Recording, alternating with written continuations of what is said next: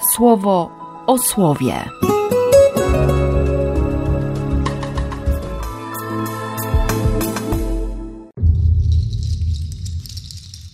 Dwudziesty drugi stycznia, piątek.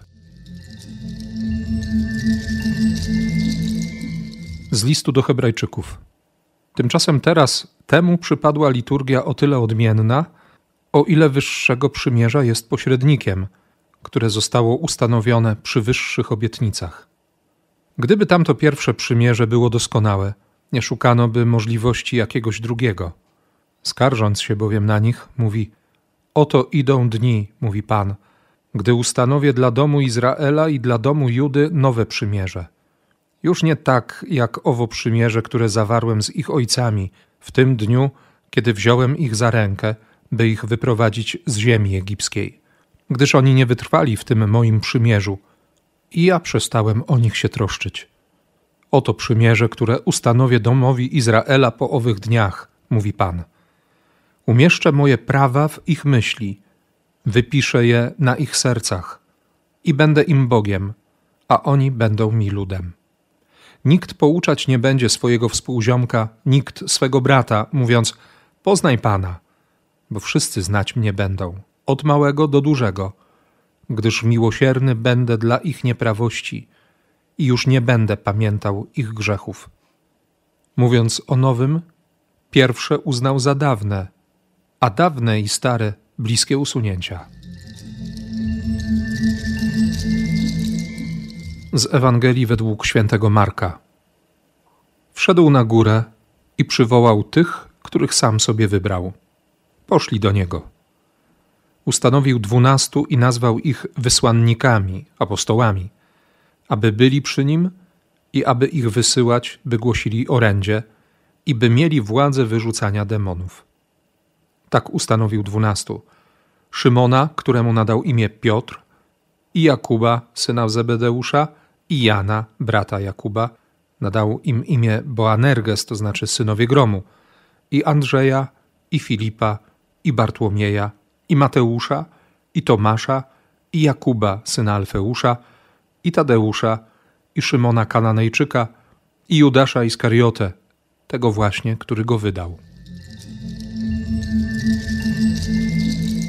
31 rozdział proroctwa Jeremiasza.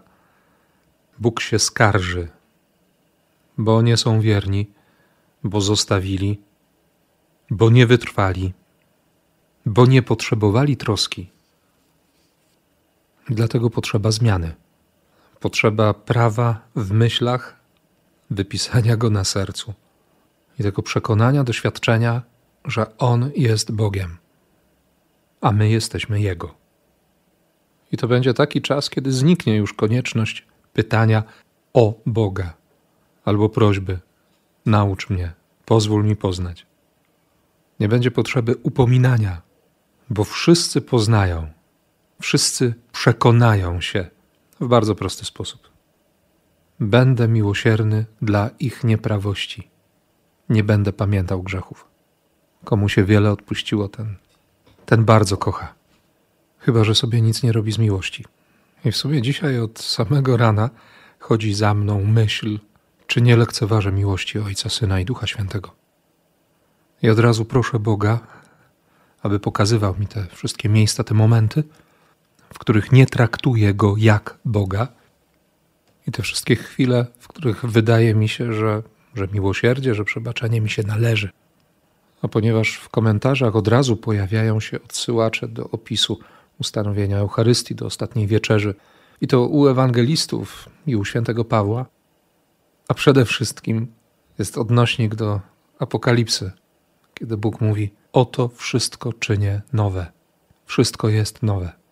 To ta wcześniejsza myśl prowokująca mnie do rachunku sumienia jest naprawdę myślą ogromnie pocieszającą. Ona znów daje nadzieję, że to On, a nie ja, wszystko zrobi nowe. Że to ma sens, że On naprawi i że wreszcie nie tylko pozwolę, ale też ucieszę się że Jego prawo, Jego słowo jest wyryte w moim sercu. Że to naprawdę jest powód do radości właśnie na dziś. Wiem, że to konkretna mobilizacja, aby tej radości i błogosławieństwa dzisiaj szukać. W słowie i w sobie też. Tym bardziej, że dzisiejsza Ewangelia jest mi bardzo bliska.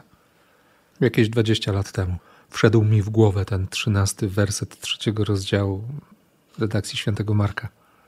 Powołał tych, których sam chciał, i oni do niego przyszli. Przekład pierwszego kościoła mówi: przywołał tych, których sam sobie wybrał. Poszli do niego. To były pewnie ich pragnienia, ale całą tę szczęśliwą czy parszywą dwunastkę, bo przecież dobrze wiemy, jakie historie kryły się za każdym z tych imion i jaką historię Jezus z nimi robił. Jak potężnym mogli być dla niego rozczarowaniem, tak po ludzku.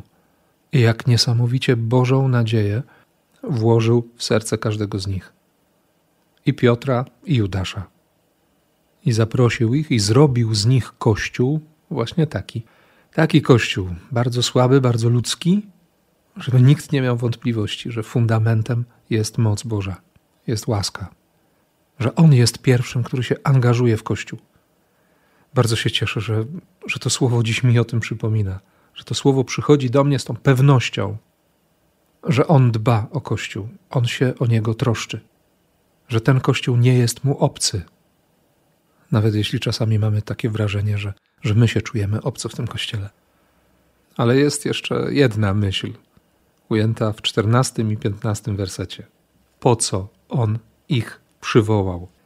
Nazwał ich wysłannikami, aby byli przy Nim, aby chodzili tam, gdzie On. Potem po to, żeby ich wysyłać, żeby głosili orędzie i żeby mieli władzę wyrzucania demonów. Żeby byli przy nim, ten orszak, który towarzyszy barankowi dokądkolwiek on idzie, się pod krzyżem za bardzo nie sprawdzili. To posłanie, by głosili Ewangelię na początku, to znaczy po jego śmierci, zamknęli się wszyscy na cztery spusty w tym domu i i ani myśleli wychodzić na zewnątrz. Trzeba było ducha. No i po trzecie, żeby mieli władzę wyrzucania demonów, żeby demaskowali kłamstwa, żeby się sami nie dali oszukać, żeby mieli zaufanie do Boga, a nie do diabła, i żeby inni dzięki nim, dzięki temu, jak oni żyją, jak oni się kochają, odbudowali w sobie zaufanie do Boga. Pewnie sobie nie zdawali sprawy na początku, do czego ich zaprosił. Z drugiej strony, gdybym wiedział na samym początku, jak będą wyglądały te kolejne lata kapłaństwa, to nie jestem pewien, czy przy tamtym stanie świadomości, wiary i ogólnego spojrzenia na rzeczywistość Kościoła bym się na to zgodził, bym się na to pisał. Na szczęście On robi z nami tę historię. To jest Jego Kościół. I ty, i ja jesteśmy Jego pragnieniem.